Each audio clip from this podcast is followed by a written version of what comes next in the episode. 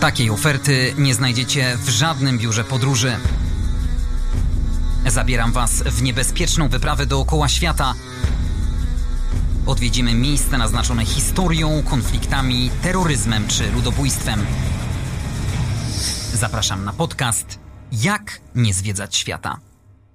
Andrzej Gliniak, dzień dobry. 53 odcinek czas zacząć. Chylę czoła patronom podcastu KANS, czyli Karkonoska Akademia Nauk Stosowanych w Jeleniej Górze, POZBET, profesjonaliści z branży konstrukcji betonowych oraz Entrak, europejski lider wśród dostawców części do maszyn budowlanych. Zachęcam do subskrybowania konta podcastu na YouTube oraz Spotify oraz odwiedzania i lajkowania strony Jak nie zwiedzać świata na Facebooku. Czas na wyprawę za ocean do USA, ale tradycyjnie nie będą nas interesowały atrakcje turystyczne. Dziś poznamy Amerykę brudną, która skutecznie opiera się nowoczesności, jest dzika i autentyczna. Mówiąc krótko, wybierzemy się na głębokie południe. Moimi gośćmi są autorzy reporterskiego projektu Deep South, który skupia się na bezpośrednim doświadczeniu owianego złą sławą rejonu Stanów Zjednoczonych. Karol Majchrzak i Piotr Karwala. Dzień dobry. Audi. Dzień dobry, witamy serdecznie. Na co dzień pracują jako eksperci od komunikacji, marketingu oraz wykładowcy na Uniwersytecie Wrocławskim. Ponadto od lat współtworzą Dandycore, platformę lifestyle'ową dla mężczyzn, w ramach której jako zespół wydali już dwie książki. Są też autorami podcastu Pick-upem przez Amerykę. Panowie, powiem z nieukrywaną radością, że idealnie wkomponowaliście się w podcast Jak nie zwiedzać świata. Bardzo się cieszymy, bo mamy tyle śmiesznych doświadczeń z tego południa, których mam wrażenie nie dałoby się przeżyć nigdzie indziej. E... Śmiesznych i mam nadzieję strasznych. Strasznych. No jakby polowanie na wielką stopę. Kiedy to słyszysz, to wiesz, może to być albo bardzo zabawne, albo bardzo absurdalne, albo straszne, albo niebezpieczne. Ja myślę też, że tej straszności trochę na siłę szukaliśmy, ze względu na to, że punktem wyjścia do całego projektu było właśnie pojechać w rejon, w który nikt nie jeździ. I to z kilku różnych perspektyw nikt nie jeździ. Po pierwsze, turystycznie oni są na szarym końcu w Stanach Zjednoczonych. Po drugie, ludzie z północy Stanów Zjednoczonych wręcz boją się tych ludzi. Jest jakaś po prostu taka paranoja, strach przed pojechaniem na południe, bo może na przykład stamtąd nie wrócić żywym. Plus wszystkie te historie i stereotypy, które są wokół południa, na tyle nas zaintrygowały, że powiedzieliśmy, sprawdzam, sprawdzamy. No i też y, nawiązując trochę do tytułu naszego, y, naszego podcastu Pick-upem przez Amerykę, ubzduraliśmy sobie, że będziemy to robić właśnie w pick-upie, czyli znowu takim stereotypowym, amerykańskim, południowym, de facto wozie roboczym, który faktycznie był roboczy, bo za system nagłaśniający służył nam głośnik Bluetooth, taki zwykły, mały, zebrany z domu. E, jednocześnie ten pick-up jest takim bardzo elementem oporządzenia takiego typowego redneka, no bo ja na przykład mam teraz na sobie e, koszulę flanelową, mam na sobie jeansy i jeszcze jakbym przyjechał pick-upem, to byłbym takim typowym, typowym rednekiem. Nie stoi na parkingu przed studiem? Niestety nie. E, ale ten nasz pick-up, którym jeździliśmy, co ciekawe, no byliśmy mega tacy zafascynowani tym, no bo sam fakt, że jedziesz sobie, a widzisz w lusterku, że masz pakę taką, której nigdy do niczego nie użyjesz, bo jest bezużyteczna dla ciebie. Tak jak dla większości użytkowników pick-upów, co jest zabawne, ludzie kupują go po to, żeby mieć pick-upa, a nie żeby go używać. No to czasem stawaliśmy przy innych pick-upach, jakie te samochody są wielkie. W sensie nasz pick-up był takim małym pick-upem, ale kiedy widzieliśmy pick-upa, który jest większy niż po prostu największy samochód, jaki widziałem kiedykolwiek w Polsce, to zacząłem się dziwić jakby po co? Jakby, I mam wrażenie, że taka kultura trochę takiej prawdziwej męskości mówi, że im większy samochód, tym jestem lepszym takim prawdziwszym mężczyzną. Ewentualnie to jest zabezpieczenie przed amerykańskimi drogami, bo wbrew temu, co można zobaczyć powiedzmy na wielu filmikach na YouTubie, kiedy cały zastęp policjantów ściga jednego szaleńca na autostradzie, to tego akurat nie udało nam się doświadczyć, ale wydaje mi się, że kilka razy byliśmy bliscy rozwalenia się tylko i wyłącznie ze względu na zły stan nawierzchni, nieoświetlone i nieoznaczone zjazdy z autostrady, albo zastanawialiśmy się, czy jedno z aut, które jedzie naprzeciwko nas, e, zaraz nie eksploduje mu opona. Dlaczego? Dlaczego? Dlatego, że autostrady w Stanach Zjednoczonych po obu stronach drogi są usiane e, rozsadzonymi oponami. Dlaczego? Bo ludzie. Też. Tak, i zwierzętami też, bo ludzie nie mają obowiązku sprawdzać wiesz, stanu ogumienia, tylko to jest e, ich kwestia. Jak uważasz, że jest bezpiecznie, to jeździ. Można by pomyśleć, że tam są tacy najwięksi fanatycy taśmy i trytytek na świecie, ponieważ e, samochód, dopóki jeździ, jest sklejony, to może jeździć. E, jednocześnie e, naszym celem było tak naprawdę to południowe południe, takie bardzo głębokie południe, w którym no, jest konserwatywnie, biednie, edukacja jest na niskim poziomie, wszystko we wszystkich statystykach są na ostatnim miejscu. Jednocześnie przyjeżdżaliśmy też przez Virginię w ciągu naszej sześciotygodniowej podróży i to nie był Walmart, w którym byliśmy, ale parę tygodni po tym, jak przejeżdżaliśmy przez ten stan, to była tam strzelanina i zginęło sześć osób w strzelaninie w Walmarcie. Więc to są trochę takie klimaty, nie? Powiedzmy może na początek naszym słuchaczom, jaki rejon obejmuje Deep South? Głębokie południe ogólnie mówi się ogólnie o południu Stanów Zjednoczonych, czyli wszystkie te stany, które stanęły po stronie Konfederacji w wojnie secesyjnej. Ale z całej tej dosyć dużej grupy jeszcze wyróżnia się właśnie region tego Deep Southu, czyli taki najbardziej konserwatywny, najbardziej hardkorowy. W jego skład wchodzą dwa stany, które dość dobrze zwiedziliśmy, czyli Louisiana i Mississippi, ale do tego wypadałoby dorzucić jeszcze Georgię i Alabamę, z których no na przykład sporo osób w białych kapturach się wywodzi. I tych białych kapturów, e, to już może trochę wybiegnę przed szereg, e, szukaliśmy i pojechaliśmy do miasta, które rzekomo jest główną siedzibą wielkiego czarodzieja albo wielkiego maga organizacji mającej 3K w nazwie. Czyli Ku Klux Klan. Dokładnie, Dokładnie tak. tak. Um, I mówimy to tak jakby w sumie trochę się śmiejąc z tego, no bo wiecie, jest XXI wiek i nadal ludzie przebierają się w białe kaptury i idą straszyć, że e, czarnoskórzy zniszczą białą cywilizację. E, jednocześnie byliśmy w miejscu, które nazywa się Cink. To jest właśnie miasto e, w Arkansas, które jest niedaleko Harrison. I co ciekawe, e, mieszka tam dosłownie ze 100 osób. Wiecie, wjeżdżacie tam, nie ma normalnej drogi, bo jest już tylko taka szutrowa i przejeżdża się wokół takiego po prostu osiedla takich baraków, nie? Takich, wszędzie jest brudno, ludzie wyglądają jakby trochę nie mieli co robić. Um, no i wiecie, wjeżdżacie tam i macie takie, ok, to jest siedziba jakby złowrogiej organizacji. 100 ludzi, szutrowa droga i bieda, nie? Ale właśnie z głębokiego południa wywodzi się także największy bojownik o prawa Afroamerykanów, czyli Martin Luther King. Tak, właśnie w Alabamie, jeżeli dobrze pamiętam, był słynny marsz Martina Luthera Kinga i jego zwolenników. I faktycznie tych przykładów emancypacji, walki o prawa Afroamerykanów, my na przykład na swojej drodze spotkaliśmy całkiem sporo, ze względu na to, że chociażby doświadczenie trudnej historii tych ludzi mogliśmy w pewnym sensie odczuć na własnej skórze, zwiedzając plantacje bawełny i poznając warunki, w jakich tych ludzie żyli, bo co się bardzo często zarzuca takim obiektom turystycznym w Stanach, tym, tym najbardziej popularnym, że zwiedza się tak zwany big house, czyli tą rezydencję, która wygląda praktycznie rzecz biorąc jak pałac, jednocześnie pomija się fakt, kto go wybudował, w jakich warunkach i w jakich warunkach tam pracował. I na szczęście miejsca, które my mieliśmy okazję odwiedzić, jedno w Luizjanie, drugie w Mississippi, zachowało te baraki de facto, w których Ludzie jeszcze do połowy XX wieku żyli bez bieżącej wody, bez kanalizacji, bez prądu i bez ogrzewania. A mówimy tutaj o momencie, w którym Inna część Stanów Zjednoczonych przeżywała największy rozkwit. Ludzie, wiesz, jeździli Cadillacami, mieszkali na suburbiach i w zasadzie byli w złotej erze. Tymczasem ludzie na południu na przykład nie dostawali pieniędzy za swoją pracę, tylko tak zwane tokeny, które mogli wydać w sklepie, który należał do właściciela plantacji. I to jest jeden z głównych motywów, które tam poznawaliśmy, czyli ten rozdźwięk między jakby ludźmi, którzy są potomkami niewolników, którzy nadal cierpią z tego wykluczenia różne, różnorodnego.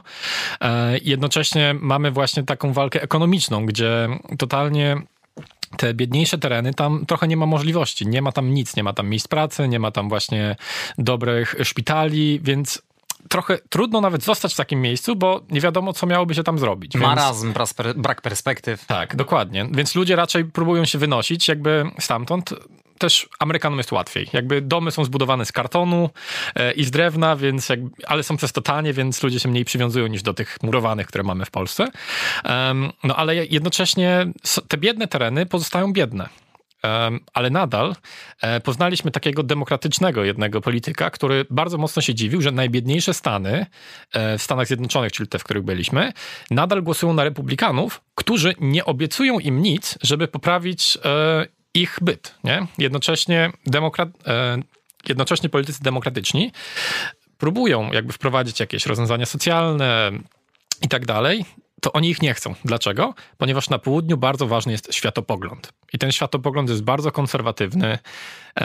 No w wielu aspektach powiedziałbym, że zacofany, gdzie nadal właśnie takie tematy no, jakby to jest jeden przykład. Jak jechaliśmy samochodem i słuchaliśmy sobie radia, to było przed kampanią wyborczą, no to pani gubernator promowała się słowami, że trzeba pokonać lewacką zarazę i przywrócić e, prawdziwe wartości naszym dzieciom. E, no i kiedy na przykład w Minnesocie, czyli w stanie na północy wprowadza się darmowe lunche w szkole dla dzieci, to w Arkansas znosi się e, takie znosi się takie ochronne e, zarządzenia, które sprawiają, że dziecko nie może iść tak po prostu do pracy, nawet jak ma 13 lat, tylko może iść, jeśli dostanie pozwolenie z urzędu. E, to teraz może iść do jakiejkolwiek pracy, więc jeśli na przykład dzieci zaczną pracować w kopalniach, to, to dzięki temu, że pani, e, pani gubernator przywróciła konserwatywne wartości. Arkansas to bez wątpienia jeden z najbardziej konserwatywnych stanów. Dopuszczana jest tam kara śmierci przez wstrzyknięcie trucizny panuje zakaz małżeństw jednopłciowych, a także zakaz aborcji, nawet w przypadku gwałtu lub kazirodztwa. Tak, no i też e, ta pani gubernator wprowadziła, że e, teraz, e, kiedy dzieci uczą się o, o tym, jak powstał świat, jak powstał człowiek, to jeśli dobrze pamiętam, już nie uczą się w ogóle o, o ewolucji. Teraz rządzi tam kreacjonizm. Ja myślę, że możemy jeszcze na chwilę zostać przy tym stanie, bo Mówiąc o tym, też w duchu e, tego podcastu, którego mamy przyjemność być, być gośćmi, jak nie zwiedzać świata. Z jednej strony można świat zwiedzać tak jak my wyszliśmy e, z takiego e, założenia, że chcielibyśmy zobaczyć dom, w którym mieszka Hemingway, czyli można by powiedzieć, że dosyć mieszkał Hemingway, dosyć generyczna atrakcja turystyczna. Ale z racji tego, że strasznie mocno staraliśmy się wchodzić w interakcję z ludźmi, którzy tam byli, przewodnikami i tak dalej, to zostaliśmy zaproszeni na spotkanie do lokalnego historyka w małym miasteczku Puget w stanie Arkansas. I co się dzieje w momencie, kiedy wchodzimy do środka? Wchodzimy do kancelarii adwokackiej gościa, który jest adwokatem, pastorem, przedsiębiorcą i lokalnym historykiem. I nie siedzi sam w tej kancelarii, tylko w obłokach dymu cygarowego i zapachu whisky siedzi jeszcze trzech innych gości, których roboczo nazywamy bossami Pidget, bossami tego miasteczka i weszliśmy z nimi w bardzo ciekawą rozmowę, w rozmowę dotyczącej e, dotyczącą ich postrzegania prawa dostępu do broni palnej. Oni powiedzieli, to, co jest dla nas najważniejsze, to fakt, że nasz dostęp do broni palnej gwarantuje nam ważność naszych głosów w wyborach. To jest ich sposób postrzegania świata. I zaraz po tym dodaję, jeżeli chcecie, to możemy wyjść. Mój pick-up stoi przed kancelarią, tam w środku mam AR-15 i shotguna zawieszonego praktycznie rzecz biorąc na podsufitce. Mogę wam pokazać, jak gdyby była inna pora, to byśmy sobie po prostu pojechali postrzelać. I, I co ciekawe... Dodaję, że ten pick-up też nie jest zamykany przez niego, on sobie po prostu tam stoi. Tylko w tamtym miejscu nic w związku z tym się nie dzieje. To nie jest miejsce z niesamowitą przestępczością, wręcz przeciwnie. Jak z historii, e, że tak powiem, którą nam właśnie Joe, ten prawnik, opowiedział, e, była pewna para, która po prostu zwiedzała Stany. Przypadkiem trafiła do Puget i tak była zachwycona ludźmi, których tam spotkała, klimatem i tak dalej, że po sześciu godzinach spędzonych w tym miasteczku kupili tam dom i po prostu się tam przeprowadzili. I jednocześnie nawiązując jeszcze trochę do tego posiadania broni, Joe, który jednocześnie jest pastorem, mówi nam, Wiecie co, no jakby dla mnie to jest norma. Jak ja prowadzę kazanie w niedzielę, to wiem, że połowa mojej kongregacji ma broń za paskiem. I wiecie co? Nic nigdy złego w związku z tym się nie stało. A to prawda, że nawet tam nauczyciele są zbrojeni? Tak, byliśmy, byliśmy w jednej e, ze szkół, to było w Ozark chyba, w Arkansas, gdzie trafiliśmy no na znak. Po prostu zwiedzamy sobie, jak chodzimy po jakichś e, ziemiach, e, patrzymy na na przykład wielki stadion, który mają, a są tylko e, małą szkołą w małej miejscowości, co jest też bardzo takim e, mocnym tematem, że tam ludzie szaleją na punkcie sportu i futbolu amerykańskiego. ale w pewnym momencie widzimy znak, na którym jest napisane mm, drogi gościu, wiedz, że pewni, że pewni nauczyciele i pracownicy naszej szkoły są wyszkoleni i gotowi na bronienie naszych uczniów wszystkimi dostępnymi środkami. Co jasno mówi, ej, mamy broń, nie? Tak, no bo na tej tablicy nawet wprost było napisane, że są uzbrojeni, że staff members are armed. E, co jest ciekawe, no bo jaki to klimat buduje, jaką wizję, nie? Że oni muszą być tak strasznie przekonani o tym, że gdzieś za rokiem zawsze może się czyhać jakieś zagrożenie, że wprost mówią o tym, że nauczyciele mają broń i będą bronić studentów. Ale kurde, przed czym? Jednocześnie jest e, taki bardzo mocny klimat niebezpieczeństwa, który się unosi w tak naprawdę w rozmowach ze wszystkimi. Mówimy na przykład, że jedziemy sobie do Nashville, który jest w Tennessee i pierwsze, co słyszymy od lokalsa, to to, że no ale uważajcie, bo nie, jedź, nie jedźcie tam, tam, tam i tam, bo na pewno coś wam się stanie. Mam takie, ale, ale co? No bo tam jest niebezpiecznie, zabójstwa, nie wiadomo co. I mam takie, okej. Okay. I mówi nam to typ, który nosi przy sobie broń, nie? um, ale jednocześnie pamiętam, że historia Joe e, dodał wtedy też, że Joe dodał też, że była raz sytuacja, kiedy szeryf, e, szeryf czy szeryf i chyba jakiś tam jego policjant przyjeżdżają i mówią: Joe, słuchaj, są źli goście, którzy, nie wiem, coś tam robią, rabują, cokolwiek. Bierz broń, jedziesz z nami i razem będziemy bronić e, na, naszych, naszych miejscowości i ludzi. Nie? I mam takie wow, nie? Posterunek najbliższy, na przykład 50 mil stamtąd, i co zrobić. Więc ludzie muszą trochę sami się bronić. Jednocześnie pamiętam, że w książce chyba Wolność i spluwa ona się nazywa. E, fantastyczna książka właśnie o kulturze broni, gdzie typ ze wschodu, który totalnie nie ma styku z tą kulturą, z bronią i tak dalej, wyrabia pozwolenie na broń i zaczyna ją nosić przy sobie. I to sprawia, że on jest w tak zwanym trybie żółtym. Czyli ma taką lampkę, która się ciągle świeci, gdzie patrzy, czy nie ma jakiegoś niebezpieczeństwa. I mam wrażenie, że ludzie przez to, że mają dostęp do broni i ją mają, ciągle szukają jakiegoś zagrożenia, które mogą pokonać. Nawet jeśli ono nie jest jakoś specjalnie możliwe, jednak nadal chyba były dwie albo trzy szczelaniny w USA, jak byliśmy w tamtym czasie, e, to nadal czują to niebezpieczeństwo i to, że coś może się wydarzyć i że albo ich zdrowie, albo zdrowie ich bliskich może być zagrożone. No był taki moment, kiedy mieliśmy pierwszy kontakt z osobą z bronią, bo miejsce, w którym byliśmy, to ludzie ją nosili przy sobie, albo taką ukrytą po prostu, nie? Mieli tam, nie wiem, pod koszulą, pod kurtką i tak dalej. E, I pierwszy raz, kiedy widzieliśmy taki przypadek, był taki dość szokujący. W sensie totalnie nic się nie wydarzyło. Jesteśmy sobie właśnie na tej totalnie redneckiej, odjechanej stacji benzynowej i widzimy, że typ, który e, podjechał pick-upem, ale wygląda jak taki totalny księgowy. Jakby wyszedł sobie właśnie z biura, okularki po 50, lekkie zmarszczki, nawet przyjazna twarz, ale ma broń.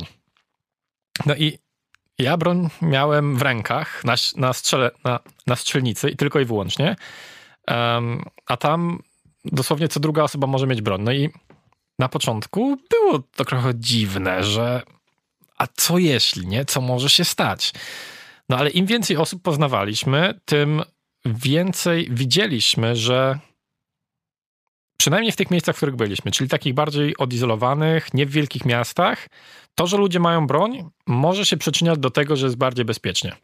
Ponieważ jeśli coś się wydarzy, to wiadomo, że ktoś może zacząć, wiecie, zacząć strzelaninę i będzie bezpiecznie, ale że ktoś może cię obronić w jakiś sposób.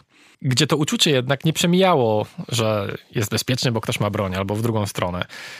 Czasem trzeba było popatrzeć na kogoś, pomyśleć, ma broń czy nie ma.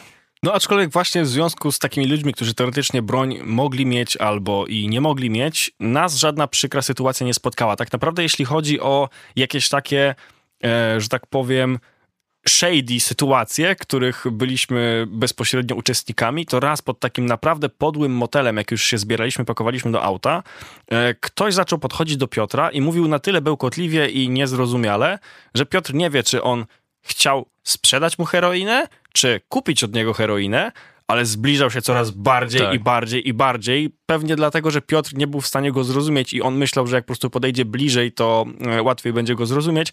No ale dość szybko wtedy się y, skończyliśmy pakować do auta i stamtąd zawinęliśmy. Mhm. Jakby na tym koniec jest dramatyzmu sytuacji, ale jeśli chodzi o też takie miejsca, w których człowiek się czuje średnio bezpiecznie. To w Nashville na przykład mówiono nam, że totalnie powinniście unikać północnej części miasta.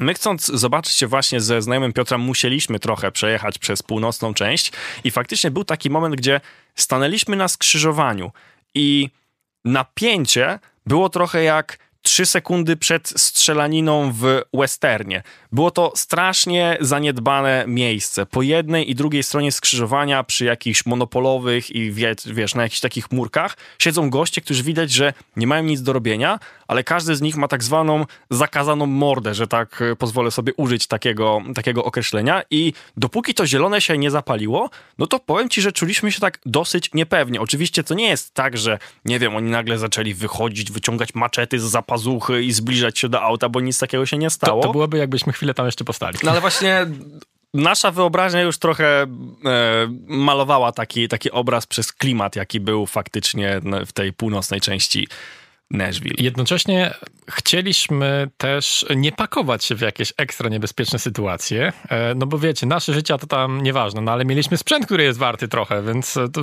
szkoda jakby coś się z nim stało. wiecie, aparat, laptopy. Na przykład byliśmy w Mississippi i postanowiliśmy, że nie mamy wystarczająco dużo czasu, żeby skontaktować się jakby z ludźmi, którzy nas są w stanie na miejscu jakoś oprowadzić i pokazać jakoś sensownie i w bezpieczny sposób to miejsce.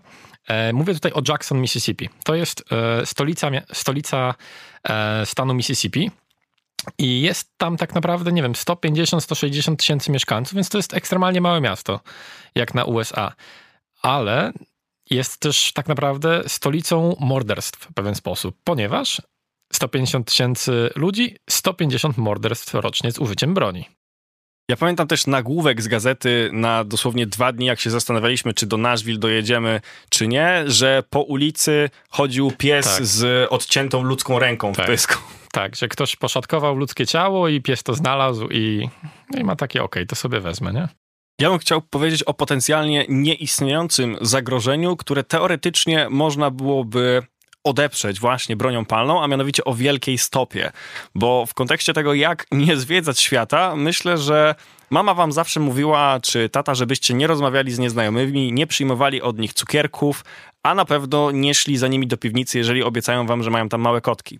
My kiedyś robiliśmy sobie pranie w takim klasycznym landromacie, wiecie, pralnia samoobsługowa, no i z połowy parkingu, jak już wchodziliśmy do auta, ktoś krzyczy w naszą stronę.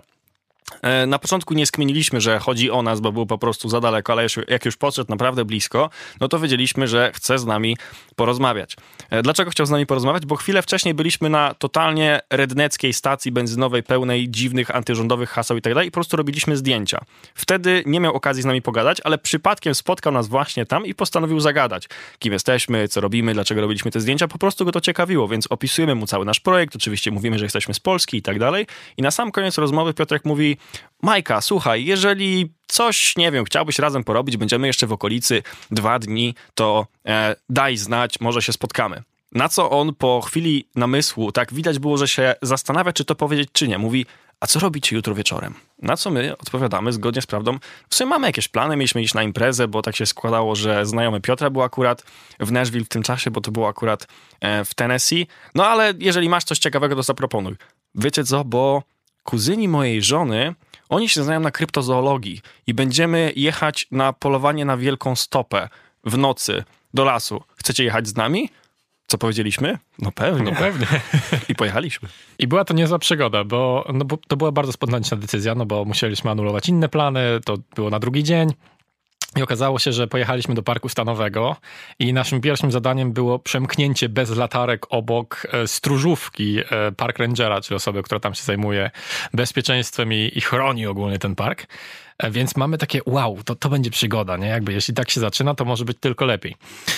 No, jakby faktem takim dość ciekawym jest to, że Mike oczywiście miał przy sobie broń, ale no, samo polowanie no trochę nie było aż tak ciekawe, jakbyśmy chcieli. W sensie było ciekawe, ale było też dość zabawne. Dlatego, że nasi towarzysze e, mieli problem, który ma bardzo dużo ludzi na południu, w sensie otyłość. Tam jemy bardzo dużo fast foodów, jemy bardzo dużo kurczaka, który jest e, w głębokiej panierce, w sensie jak coś jest w głębokim tłuszczu, to to jest południowe, nie? Ale ogólnie jemy dużo jedzenia, bo jest absolutnie przepyszne. To tak. takie drobne wtrącenie tylko, bo faktycznie kuchnia tam powala na kolana. No ja w 6 tygodni przytyłem 6 kilo, więc jakby rozumiem, co tam się dzieje. Jednocześnie ludzie nigdzie nie, nie chodzą. Wszędzie się jeździ samochodem. Jak stoisz na parkingu i masz przejść 100 metrów, to nie robisz tego, po prostu jedziesz samochodem, nie? Um, no i niestety jakby kondycja naszych towarzyszy nie do końca pozwalała im na podjęcie takiej wielkiej eksploracji tego lasu i szukanie wielkiej stopy ale no byli zawzięci, w sensie mieli wiedzę i chcieli, co, chcieli coś znaleźć. Więc chodzimy po tym lesie i zaczynamy i zaczynamy nasłuchiwać. I okazuje się, że Wielka Stopa wydaje odpowiednie głosy. Jednocześnie dowiadujemy się, czym jest Wielka Stopa, jak działa i czy jest niebezpieczna. E, dowiadujemy się, że to ich ojciec miał spotkanie z Wielką Stopą i przez to teraz oni całe życie poświęcają kryptozoologii, żeby zrozumieć, czym jest Wielka Stopa. Że mają e, włos, który dali do laboratorium i nie udało się zidentyfikować, co to jest za gatunek. Więc to na pewno jest Wielka Stopa. A Wielka Stopa to mityczne zwierzę, które według niepotwierdzonych relacji żyje w górach skalistych i w sąsiednich regionach. Okazuje się, że żyje również w mniejszych górach, że żyje w lasach. Okazuje się, że jest więcej niż jedna wielka stopa, że jest ich więcej. Że żyje też na bagnach, bo na przykład właśnie nasi eksperci powiedzieli nam, że można spotkać rugaru, jeśli dobrze pamiętam, na bagnach Luizjany, więc praktycznie każde miejsce w Stanach ma swoją jakąś taką kryptydę, co jest na przykład ciekawe, bo z europejskich kryptyd ja kojarzę tylko potwora z Loch Ness. W Polsce raczej nie kojarzę, że, że coś takiego jest, a tam praktycznie co stan, co wiocha, to coś jest. Niektóre z nich na, nawet mają... jest smog wawelski. No. no tak, ale on jest taką legendą i nikt nie traktuje go poważnie, nie? A tam na przykład w zachodniej Virginii jest Mothman, człowiek ćma i on ma nawet swoje muzeum i swój festiwal, który się cyklicznie odbywa właśnie, no powiedzmy, ku czci Mothmana. E, jednocześnie e, mieliśmy takie bliskie spotkanie. Ja uważam, że widzieliśmy Wielką Stopę, ale okazało się to dopiero w montażu.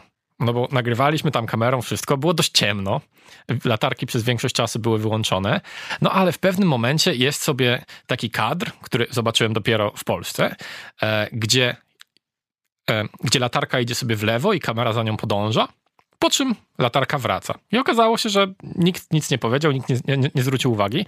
No a ja uważam, że ja mam tam wielką stopę że złapałem tam wielką stopę, że to, że wzięliśmy odpowiednio gruby patyk i uderzaliśmy nim o suche drzewo, to był sygnał dla wielkiej stopy, żeby ona się pojawiła. Bo tak się komunikujesz z wielką stopą. To, bo tak eksperci też nam powiedzieli, którzy mają za sobą występy na różnych konwencjach kryptozoologicznych i tak dalej. W sensie ich wiedza była autentycznie niesamowita. Byli w stanie godzinami opowiadać, tak jak był w stanie godzinami opowiadać o swoich doświadczeniach łowca duchów, również z Tennessee, z którym umówiliśmy się na wywiad i byliśmy święcie przekonani, że tylko i wyłącznie na wywiadzie się skończy. Jedziemy sobie na miejsce, które teoretycznie jest nawiedzonym cmentarzem, ze względu na to, że była tam jedna z krwawszych bitew wojny secesyjnej. To jest cmentarz w Franklin, jeśli dobrze Franklin. pamiętam w stanie Tennessee, więc normą jest, że można tam spotykać jakiegoś konfederackiego ducha. No więc robimy sobie wywiad z naszym łowcą duchów. On opowiada nam o tym, e, jak w ogóle zaczęła się ta jego fascynacja. On się zajmuje tym w zasadzie profesjonalnie. Okazuje się, że jest też weteranem wojny w Zatoce Perskiej. Jak połowa populacji weteranami. Dokładnie tak. No i w pewnym momencie też, e, jak ten e, wywiad się kończy, mówi nam, panowie, nie mam zielonego pojęcia, czy będziecie tutaj jeszcze w połowie listopada, czy nie, ale mam grubą sprawę. Kilka razy już byłem w tamtym miejscu. Jest nawiedzona szkoła niedaleko stąd. Jeżeli chcielibyście wziąć udział ze mną i z całym moim zespołem właśnie w śledztwie w nawiedzonej szkole, żeby doświadczyć duchów, przekonać się, że one naprawdę istnieją, bo ja uważam, że to jest jedyny sposób, żeby nieprzekonanych przekonać. To ja serdecznie zapraszam. Nie wiem, czy to będzie możliwe, ale wiedzcie, że jesteście mile widziani. I co zrobiliśmy? Mimo, że w tamtym czasie powinniśmy być w środku Tennessee, to tak zmieniliśmy całą trasę naszej wycieczki. Nadłożyliśmy de facto trzy dni, specjalnie tylko po to, żeby ten jeden spędzić w Kolumbii w stanie e, Tennessee, żeby wziąć udział właśnie w śledztwie w nawiedzonej szkole. Jakbyś miał powiedzieć, myślisz, że widzieliśmy duchy, czy nie? Myślę, że nie. no, no my nie widzieliśmy. A, znaczy, ja nie widziałem, Karol, ty widziałeś? No nie, niestety nie widziałem, aczkolwiek parę dni temu y, dostaliśmy materiał właśnie z y, takiego tego śledztwa. Specjalnego nasłuchu prowadzonego za pomocą, uwaga, aplikacji na telefon, ale specjalnej aplikacji na telefon zaprojektowanej przez ekspertów, która ma wgrane zbitki przypadkowych sylab. No i ona po prostu na pętli je e, odtwarza i nasi łowcy duchów powiedzieli, że duchy są w stanie wchodzić przez pole elektromagnetyczne w interakcję właśnie z tego typu urządzeniami i dobierać sobie te sylaby po kolei z całej tej biblioteki sylab, żeby powstawały z tego wypowiedzi. No i jakby jest taki efekt, ja nie pamiętam jak on się w psychologii nazywa, że jeżeli bardzo chcesz coś usłyszeć, to w pewnych dźwiękach po prostu wyłapiesz sentencję i na tych kilkuminutowych nagraniach jest wyłapany cały dialog z duchami. Aczkolwiek dialog ten e, był rozbity na dwa pomieszczenia. To były dwie osobne jakby sesje rozmów z duchami i co ciekawe, pewien aspekt tego, co te duchy teoretycznie mówią, się powtarza, zarówno w jednym, jak i w drugim pomieszczeniu. Z tego całego bełkotu sylabicznego osoba, która to interpretowała, e, wyłapała wypowiedzi duchów mówiące o tym, że jest ich czwórka. E, przedstawiły się też, e, ostrzegały o pewnych rzeczach. Dokładnie. Jednocześnie mieliśmy też inne urządzenia, które, e, którymi duchy mogły manipulować, bo są na tyle inteligentne, żeby zrozumieć, że urządzenie ma zaprogramowany czytnik wilgotności, temperatury, ciśnienia, ciśnienia, temperatury. Czyli jest domową stacją pogodową. I jeśli, jeśli duch odpowiednio zmanipuluje tym urządzeniem i parametrami, to jest w stanie też pewne słowa nam wypowiedzieć. No i niestety, znaczy ciekawostka, kosztowało 1000 dolarów i było zrobione przez absolutnego geniusza z Colorado, tak zostało to przedstawione. No i ja w duchy nie wierzę. Duchów też tam nie uświadczyliśmy. To śledztwo było takie dość, e, w sensie było mega profesjonalne, ale niestety bez efektów tym razem. E, I jednocześnie ci ludzie byli niesamowicie zafascynowani. W sensie ta fascynacja światem nadnaturalnym e, jest tam ogromna właśnie w związku z tymi kryptydami albo właśnie wierzeniem w duchy, ponieważ ta grupa, z którą byliśmy, oni zajmują się tym wręcz półprofesjonalnie, a ten Mike to był, tak? Mhm. No on on mówi, że on nie bierze spraw, które nie wyglądają na prawdziwe. On przez miesiące rozmawia z ludźmi, robi wywiady, żeby zobaczyć, że nikt sobie nie zmyśla, że to nie jest choroba psychiczna, że naprawdę to są duchy. No i byliśmy w takim miejscu. Jednocześnie jest pełno grup takich jak oni, są naprawdę ludzie, którzy są prawdziwymi Ghostbusters, Ghostbustersami i z tego się wręcz utrzymują. Niesamowite. Nawet będąc w Van Buren w Arkansas, zupełnie przypadkiem na głównej ulicy trafiliśmy na biuro łowców duchów. W sensie, wiesz, normalnie był szyld, wyklejka, informacje, że jeżeli czujesz, że coś nawiedza twój dom, chciałbyś to sprawdzić, no to wiadomo, Ghostbusters, te sprawy, dzwonisz, oni przyjeżdżają, sprawdzają je. Znaczy, oni się nie zajmują wypędzaniem duchów, to jest ważne. Oni tylko są w stanie ewentualnie stwierdzić, czy to jest duch złośliwy, czy nie, czy może zrobiłeś coś, co wkurza tego ducha, albo jaki jest powód tego, dla którego on tam się znalazł. Ale wieczorami nie odpoczywaliście grzecznie w hotelowym zaciszu, tylko też szukaliście wrażeń. Tak, mieliśmy taką śmieszną sytuację, to było w Clarksville pod Tennessee pod Nashville, gdzie podjeżdżamy i mamy takie, dobra, pójdziemy sobie na bilard. E, no i jako, że byliśmy na totalnym takim no, miejscu, gdzie nic nie ma, to było ja jedno miejsce, do którego można iść. Jedną rzecz tylko powiem. Jest takie określenie dive bar w języku angielskim w kontekście Stanów Zjednoczonych. To jest taka podła miejscówka i stwierdziliśmy, że żeby właśnie... Speluna. Doś... Dokładnie. Speluna, żeby tak. doś... doświadczyć w pełni Stanów, w pełni południa, to musimy taką spelunę, że tak powiem, zaliczyć. No i znaleźliśmy taką spelunę. Jednocześnie podjeżdżamy, oczywiście pod nią stoją pick-upy.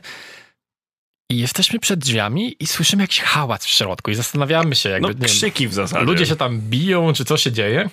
E, więc pewna wątpliwość e, nas owiała. Ale postanowiliśmy, że jesteśmy tutaj, żeby przeżywać i że mamy nadzieję, że przeżywać, a nie, a nie, nie umierać. E, więc wchodzimy. I pierwsze, co słyszymy. Znaczy, powiedzieliśmy tylko, wiesz, cześć, przywi przywitaliśmy się, nie? No i pada od razu sakramentalne pytanie. Chłopaki, chyba nie jesteście stąd. No Zastanawiamy się, do czego będzie to prowadziło. Mówimy, nie, jakby zwiedzamy tu i tak dalej. No i nie kończąc praktycznie naszego zdania, zostało nam ono brutalnie przecięte. Ktoś e, dość głośno mówi, You're about to experience the most redneck shit ever. No i w tym momencie zacząłem się zastanawiać, czy dojdzie do rękoczynów, czy nie. Okazało się, że staliśmy się praktycznie w 5 minut najlepszymi kumplami tak. z lokalnymi redneckami, którzy sami się tak określali i pokazali nam kilka takich lokalnych bilardowych gier na pieniądze.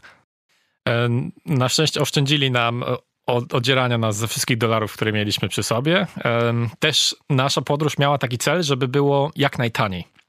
Więc jak mieliśmy spotkanie z osobą, która chce sprzedać lub kupić heroinę, to było dlatego, że byliśmy pod najtańszym motelem, jaki kiedykolwiek istniał po prostu w okolicach Nashville.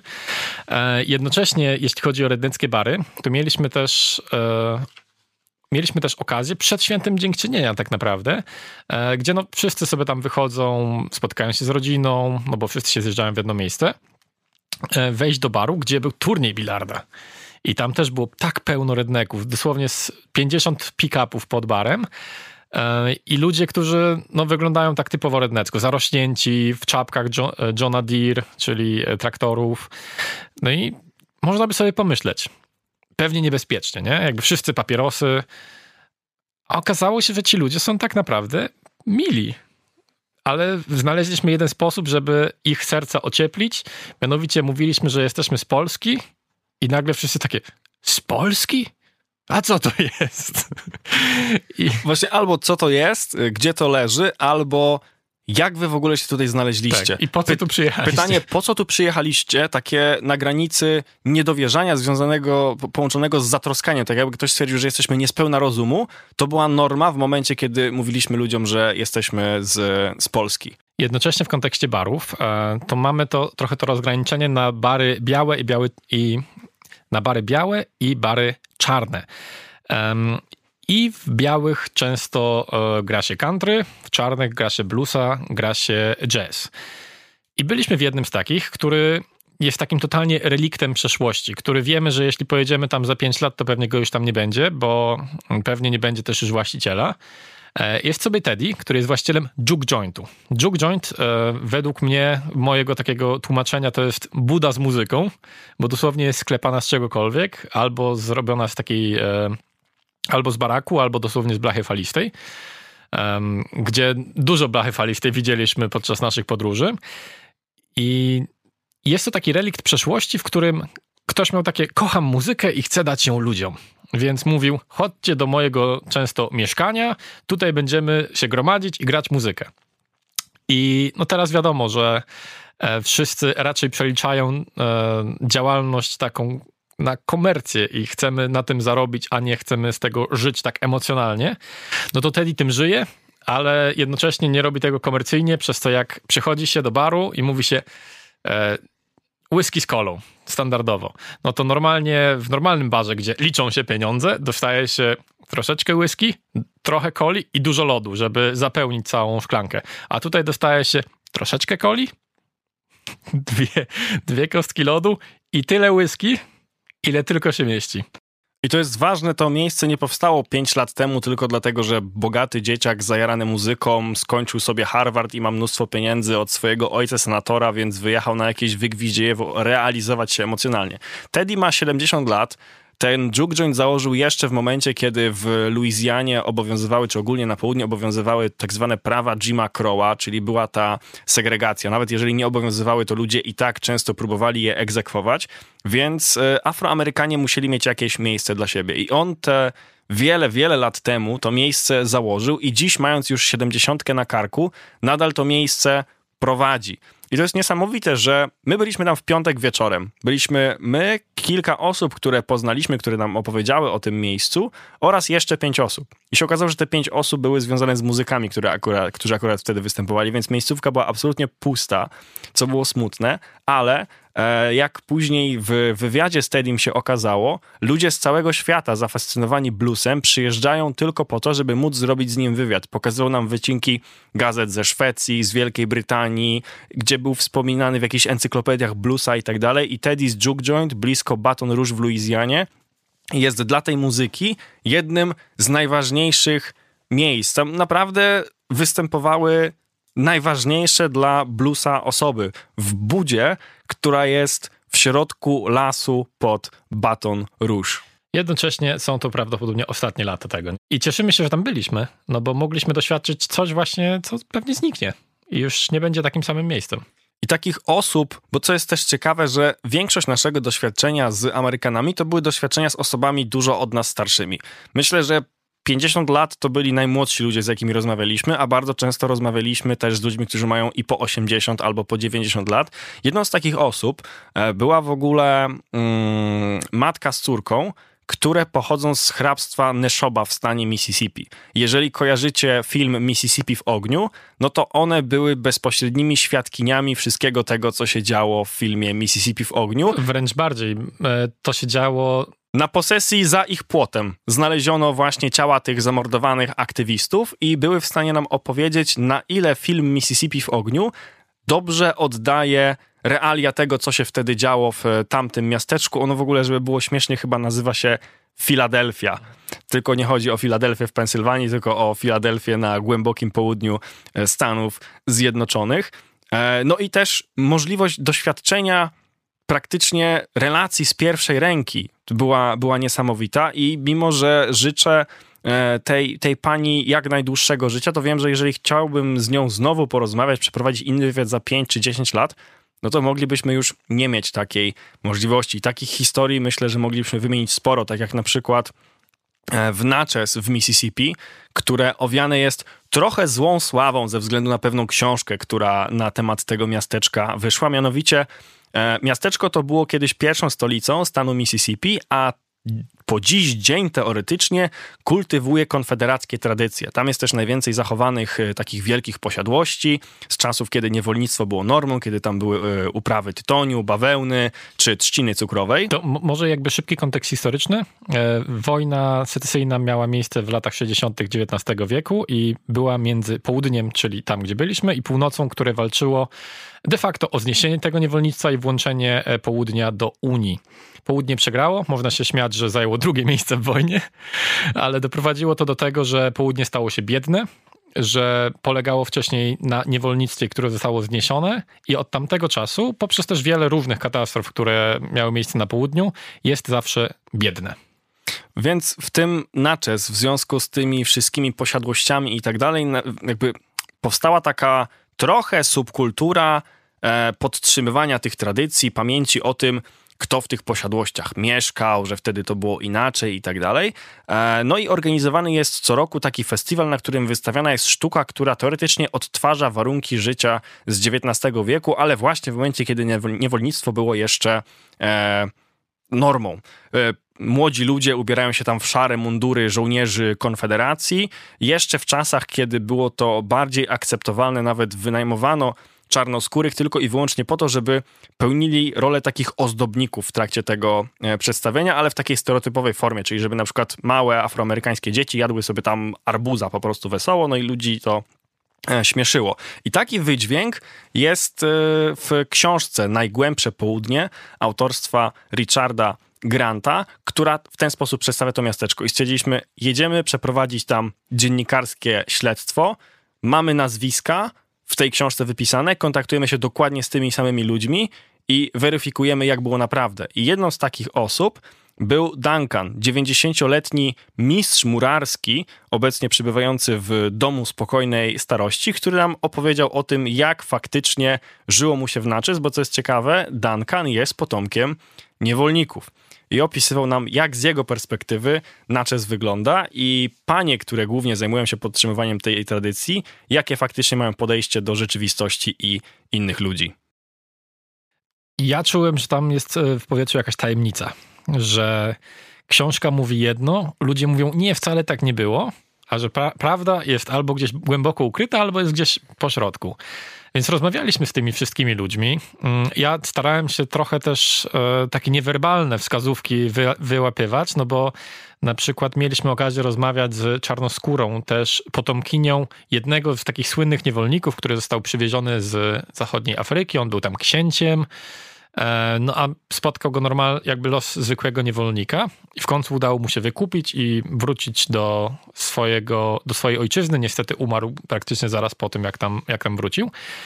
No i ona została w książce przedstawiona w taki sposób, który totalnie zniszczył jej reputację w tym miasteczku, no bo tam dosłownie było, nie wiem, jakby jedno takie zdanie, w którym mówiła, że czuła się jakby była w filmie Get Out. Jeśli ktoś, e, jeśli ktoś oglądał, to zrozumie od razu o co chodzi w takim, że jest ona jedna czarnoskóra i wszędzie wokół sami biali ludzie. I że jest trochę takim e, symbolem, że my jesteśmy progresywni i czarnych ludzi też akceptujemy. I taki był wydźwięk w tej książce. I nam mówiła coś innego, że ona tego nie powiedziała, że to było przekręcone, ale gdzieś tam jakaś taka łezka się formowała. I mam takie, dobra, jakby z czym jest związana ta emocja? Czy z tym, że jest jej bardzo przykro przez to, że jej pozycja w miasteczku została no, zniszczona przez to, czy może dlatego, że kazali jej tak powiedzieć. Aczkolwiek myślę, że zostając trochę przy temacie filmów, zburzymy trochę obraz tego, co mogłoby się malować w tej książce, ze względu na to, że na pewno każde z, każda z osób, która słucha tego podcastu, kojarzy film Borat i postać Borata. Jak się okazało, w, właśnie w Naczes Borat odwiedził jedną z posiadłości. Jaki był jego cel? Spędzić wieczór, zjeść obiad z taką typową, konserwatywną, południową rodziną. Ze względu na to, że wiadomo, tam był odpowiedni research i, i background check zrobiony pod ten film i on oczekiwał, że wejdzie, właśnie będą te e, portrety konfederatów na ścianach i od razu jak tylko będzie rzucał jakieś rasistowskie żarty, to ludzie będą mu wturować. E, sytuacja wyglądała tak, że do jednej z pań, które tam posiadłość z pokolenia na pokolenie po prostu e, mają, ktoś zadzwonił i powiedział, że będzie dziennikarz z Kazachstanu, no i on chciałby znieść z nimi obiad. Oni się oczywiście zgodzili jako południowcy, bo jest też coś takiego jak Southern Hospitality, południowa gościnność i faktycznie ludzie są tam niesamowicie gościnni. E, I paradoksalnie rzecz biorąc, żeby nie opowiadać tej historii przez godzinę, bo tyle de facto mogłaby trwać, wpada Borat z całą ekipą, próbuje rzucać rasistowskie żarty. Na samym początku mówi, a prezydent George Bush, uwielbiam George'a Busha, wy pewnie też. Na co oni na niego patrzą i mówią, nie, my jesteśmy demokratami, w ogóle nie głosowaliśmy na Busha i każdy rasistowski żart, który on rzucał, no to była taka, taka żenująca cisza po każdym jego tekście. No i w pewnym momencie po prostu wyrzucili go z tamtej chaty, no bo zrozumieli, że są po prostu nabijani w butelkę, mówiąc e, kolokwialnie, bo jak się okazuje, Naczes jest niebieską, demokratyczną kropką na czerwonej mapie głosujących na republikanów ludzi w stanie Mississippi. Naczes uważany też jest szczególnie po huraganie Katrina za e, gejowską stolicę południa, czy gejowską stolicę Mississippi, więc prawda faktycznie leży tam gdzieś po środku i bardziej myślę, że warto byłoby mówić o ogniskach pewnych podejść, światopoglądów i ideologii, niż rozciągać te ogniska na całą, e, całą miejscowość czy, czy cały rejon. Myślę, że nie ma też e, wśród nas e, słuchaczy, którzy nie kojarzyliby króla rock'n'rolla, czyli Elvisa Presleya. Skoro już e, w Mississippi jesteśmy, to odwiedziliście rodzinne miejsce Elvisa i tam też spotkaliście ciekawą osobę. Większą gwiazdę niż Elvis w zasadzie. A jednocześnie e, historia Elvisa jest w to wpleciona. Bo jeśli mówimy o Stevenie, Dokładnie który tak. jest słynnym grabarzem z Mississippi, to jakby zanim przedstawimy go, dlaczego on się wiąże z Elvisem, ponieważ był kiedyś w Amsterdamie. E, on jest ogólnie milionerem, więc może sobie jeździć gdzie chce. I pił sobie piwko w Amsterdamie albo coś takiego. I podjeżdża do niego pani e, policjant na koniu i mówi, że ale tutaj nie wolno. On ma takie, o kurczę, nie wiedziałem. I ona słyszy akcent i pyta, a skąd pan jest? I on mówi, a z, a z USA. A ona, a skąd? No z Tupelo, Mississippi. I wtedy policjantka na drugim końcu świata, wow, to stamtąd był Elvis, kocham Elvisa. I okazało się, że nasz e, słynny grabarz z Mississippi znalazł sobie e, towarzyszkę na swój pobyt w Holandii i nawet do niej tam jeszcze wracał, dlatego że Elvis urodził się właśnie w Tupelo. Znaczy, skończyło się na tym, że ona w ogóle zaprosiła go do mieszkania, żeby pokazać mu całą kolekcję płyt y, i różnych memorabiliów związanych z Elvisem, ale dlaczego uważamy, że Steven jest większą gwiazdą niż, niż sam Elvis? Ze względu na to, że poza tym, że jest milionerem, poza tym, że jest grabarzem, a w zasadzie dyrektorem domu pogrzebowego największego w, w Tupelo, Mississippi, to jednocześnie był jednym z najdłużej urzędujących state representatives dla stanu Mississippi i to, co on przeżył, ile zrobił i w jaki sposób, można byłoby tym obdzielić stu polityków, a i tak można byłoby powiedzieć, że mieli karierę pełną sukcesów i barwne życie. E, tym, co od praktycznie najmłodszych lat Stevena było jakimś takim głównym wyznacznikiem jego życia była walka z niesprawiedliwością. Jeżeli on gdzieś widział niesprawiedliwość, taką totalnie bezsensowną i nieuzasadnioną, to próbował z tym walczyć. Więc już na poziomie szkoły średniej, w momencie kiedy zbliżał się prom, czyli dla nas będzie to studniówka, no to to były jeszcze czasy segregacji, Steven ma, ma swoje lata, powiedziano im, że czarni i biali będą mieli studniówkę osobno. A co on mówi? Nie, nie ma takiej w ogóle możliwości. Więc skrzyknęli się wewnętrznie, zrobili bardzo szybko zbiórkę pieniędzy i w lokalnym parku zorganizowali sobie lepszą studniówkę, na której wszyscy uczniowie, niezależnie od koloru skóry, mogli się bawić po prostu razem. Ale też opowiadał nam o absurdalnych historiach związanych właśnie z takim redneckim i prostym podejściem do życia. Mianowicie, mimo tego, że jest filantropem, to bywały momenty, kiedy nie był w stanie komuś pomóc finansowo, e, a pogrzeby bywają drogie. No i kiedyś dostaje telefon, że zmarł tam jakiś, no, gość, który, który, którego on kojarzył, no ale oni nie są w stanie zapłacić za pogrzeb. Co oni mogą zrobić? No więc Steven powiedział, tyle ile mogę, to wam pomogę z formalnościami i tak dalej. Cała reszta nie mam zielonego pojęcia. Po czym po kilku godzinach dzwoni telefon e, od kogoś z cmentarza, no i Steven słyszy, Steven, tu jest jakaś banda redneków, oni przyjechali 18-kołowcem z pustą paką i na tej pace jest tylko i wyłącznie trumna przypięta pasami. Co się dzieje? Okazało się, że postanowili sami sobie zorganizować karawan. Ten, że Denat był trackerem i miał cały ten rig 18-kołowca, więc wpakowali go na jego ciężarówkę i po prostu go w ten sposób przywieźli. No ale grób jakoś trzeba wykopać. No i oczywiście można byłoby dać 20 rednekom łopaty i wykopaliby go sprawnie, ale o ile szybciej i sprawniej poradzi sobie jeden rednek z koparką. No bo oczywiście mieli dostęp do koparki, więc wjeżdżają tą koparką na cmentarz i zaczynają kopać dół. Teoretycznie można by wykopać dół po prostu na trumnę, ale oni wykopali taki, w którym można byłoby spokojnie e, umieścić basen. I praktycznie biorąc, wpadając razem z tą trumną do środka, umieścili tego e, swojego bliskiego i w ten sposób przeprowadzony został e, pogrzeb. I oczywiście Steven zrobił wszystko, żeby formalnie było to legalne, żeby nie mieli żadnych problemów i tak dalej. Więc poznaliśmy tam wiele osób, które nas wprowadzały w ten klimat bardzo fascynującego południa, no bo to jest kompleksowy, kompleksowy temat. Wszędzie, gdzie pojedziemy, będziemy widzieć to z jakiejś innej perspektywy. Właśnie te napięcia rasowe, napięcia ekonomiczne, um, rzeczy związane z polityką, ze zdrowiem, z tym, że na przykład Mississippi było w tamtym roku na najniższym poziomie, w sensie Mississippi rzeka, na najniższym poziomie w historii, co też kreowało swoje problemy. To wszystko to jest miejsce, które warto odwiedzić, żeby też samemu sobie wyrobić zdanie na ten temat. Co jednocześnie też będzie zależeć od tego, kogo poznamy.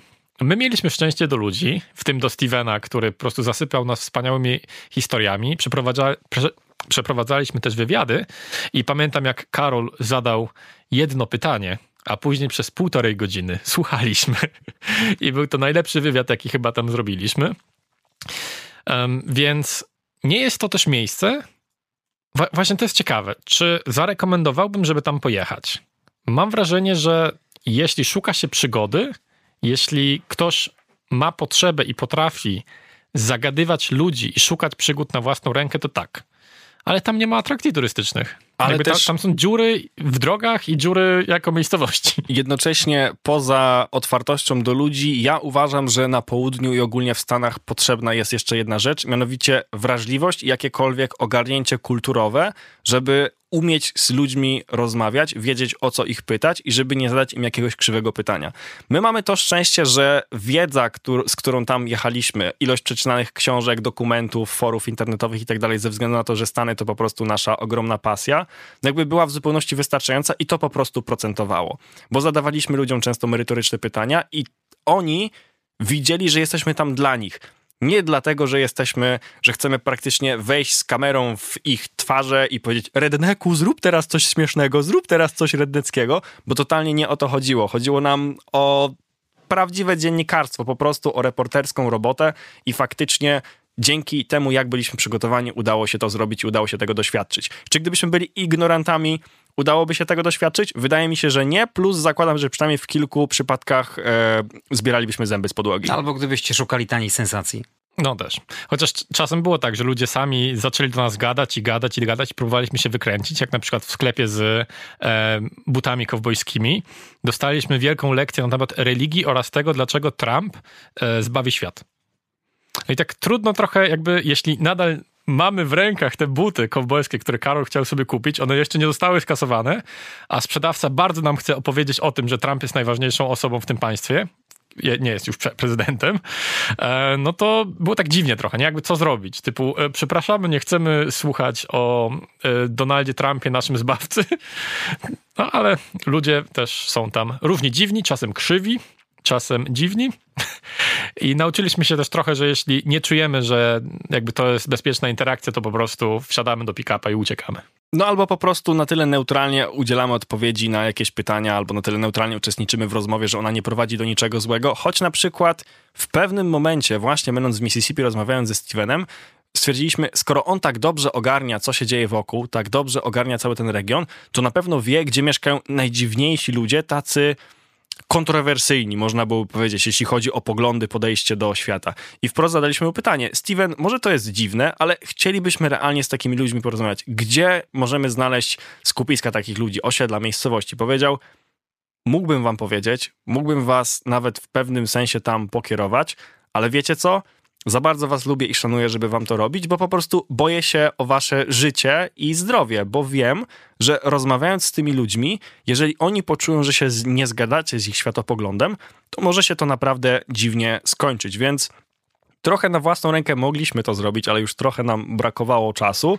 No i na te parę godzin Steven dość skutecznie nas nastraszył, że postanowiliśmy się trochę wycofać z takiego hardkorowego dziennikarstwa uczestniczącego, choć planujemy na południe wrócić. Zależy to tak naprawdę tylko i wyłącznie od y, pieniędzy. W momencie, kiedy one by były, to zakładam, że po wyjściu ze studia moglibyśmy pojechać na lotnisko i po prostu e, zrobić sobie e, bazę wypadową u Stevena. Pierwszą część naszego projektu e, nazwaliśmy trochę nawiązując do westernu. The Good, dobrzy. A w drugiej części naszego projektu chcielibyśmy poznać tych, którzy są bad. Porozmawiać z tymi naprawdę hardkorowymi ludźmi o hardkorowych poglądach, albo na przykład w zachodniej Virginii wziąć udział w, w nabożeństwie tak zwanych snake handlers. Pastorów, którzy podczas nabożeństw trzymają jadowitego węża w ręku i uważają, że jeżeli są odpowiednio ludźmi gorącej wiary, to wąż ich nie ukąsi.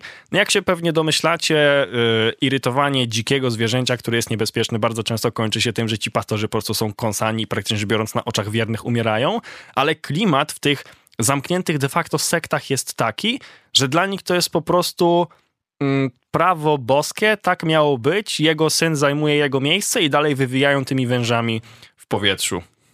Jak długo trwała cała wasza wyprawa po głębokim południu? Łącznie 6 tygodni, 45 dni dokładnie. Byliśmy oczywiście trochę w trasie, nie zawsze na, na tym głębokim południu, ale no naszym celem było zwiedzić jak najwięcej właśnie tych konserwatywnych, zacofanych terenów.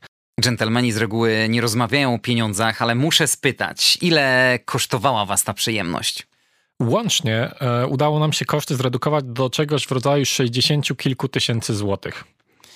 No ale to było związane z tym, że. Łącznie czy od osoby? Łącznie, łącznie. No ale czasem w pokoju było tylko jedno duże łóżko, więc spaliśmy na jednym, bo było taniej.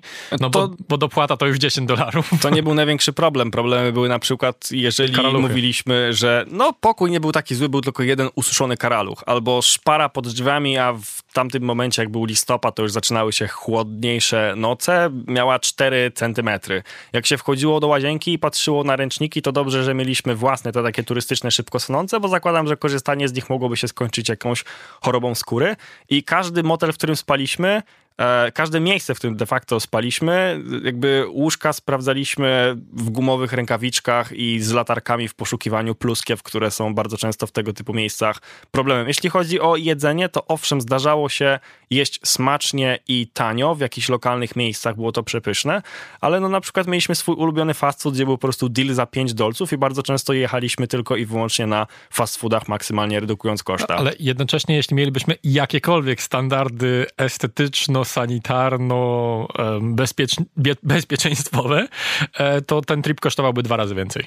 No właśnie, Karol, ty mi na początku narobiłeś smaka i tak czekałem, czekałem cały podcast, żeby zadać na końcu to pytanie, jak z tą kuchnią, bo mi i myślę, że większości słuchaczom Stany Zjednoczone kojarzą się z jednym, hamburger, frytki i duża porcja keczupu. No to ja powiedziałbym, że... Plus naj... Coca-Cola. To tak, w dużych ilościach napoje gazowane jak najbardziej, ale... W jest... dużych ilościach, czyli na przykład litr 200 ml. tak, to jest kubek, który się dostaje w sieciówce, która się nazywa Whataburger.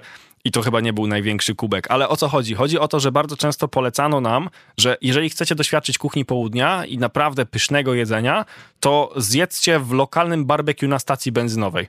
Totalnie dziura zabita dychami, miejscówka, która wygląda, no powiedziałbym szczerze, podejrzanie i kanapka, która jest do bólu prosta. Nie ma tam finezji, jak wiesz, w polskich burgerowniach, gdzie jest sos onfa fonfa z serem blu blu blu i tak dalej, tylko jest hamska dmuchana buła, napchana mięchem. szarpanym mięchem, które było długo marynowane i długo robione i oblana sosem. 4 no, dolary.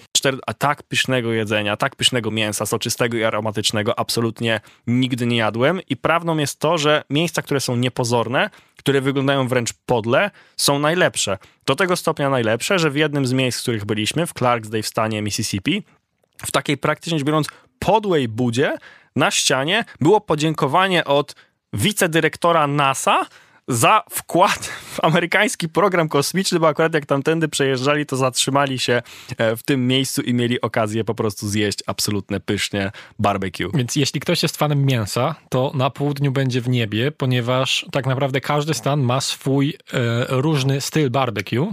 Jednocześnie w samej Luizjanie na południu mamy kuchnię, która jest całkowicie różna od innych stanów USA, ponieważ mamy tam bardzo mocno hiszpańskie, francuskie wpływy i kuchnię, która jest unikalna względem całej reszty.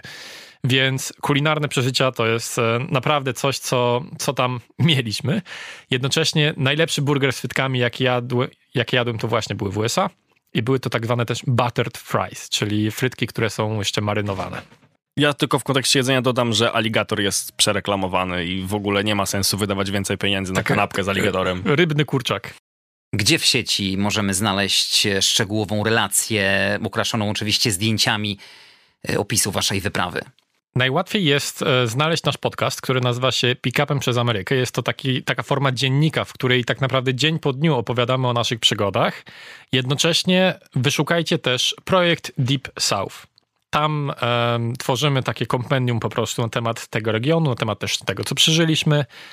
I myślę, że też nasze Instagramy, Piotr Karwala i Karol I Karol Majszak. Na TikToku również jesteśmy. I na więc, YouTubie, i, i na YouTubie. Więc jeżeli kogoś na przykład interesuje warstwa wizualna, to na Instagramach jest bardzo dużo zapisanych stories, tam też można zobaczyć, a jeśli kogoś interesują dłuższe, reporterskie materiały z tym, żeby po prostu zobaczyć, to e, na YouTubach również coś takiego się pojawia. Nie trzeba tylko słuchać, można również oglądać. Mamy masę materiału, który jeszcze nie został, że tak powiem, przerobiony. To przyznajemy się bez bicia, że odrobinę lenistwa, opieszałości i braku czasu sprawiła, że to jeszcze się nie pojawiło, ale właśnie ludzie, którzy mogliby zacząć nas śledzić teraz, będą mieli dużo do nadrobienia w formie podcastów i zanim zdążą nadrobić wszystkie podcasty, to kolejne filmy zaczną się pojawiać, bo jeden już jest na wyjściu, potrzebuje tylko autoryzacji od osoby, z którą przeprowadzaliśmy wywiad, bo od pewnego momentu e, kluczem, który otwiera nam możliwość do przeprowadzenia wywiadów, była obietnica tego, że zostanie to autoryzowane. Bo część osób po prostu się bała, że na przykład może powiedzieć coś nie w porządku, albo my wyciągniemy jakieś zdanie z kontekstu. Więc I oni... później powstanie książka, która znowu zniszczy jakieś małe miasteczko. Dokładnie, więc serdecznie zapraszamy. W zasadzie wszędzie można nas znaleźć i znaleźć gdzieś coś ciekawego. Autorzy reporterskiego projektu Deep South, a także podcastu Pick-upem przez Amerykę. Karol Majchrzak i Piotr Karwala byli razem z nami. Panowie, kłaniam się nisko, dziękuję za udział. Dziękujemy, Dziękujemy również. również. To był podcast Jak nie zwiedzać świata. My słyszymy się w kolejny poniedziałek, tradycyjnie po godzinie 20. Zapraszamy do subskrybowania podcastu na YouTube i Spotify oraz odwiedzania facebookowego konta Jak nie zwiedzać świata na Facebooku. Dziś dziękuję. Andrzej Gliniak. Pozdrawiam. Do usłyszenia.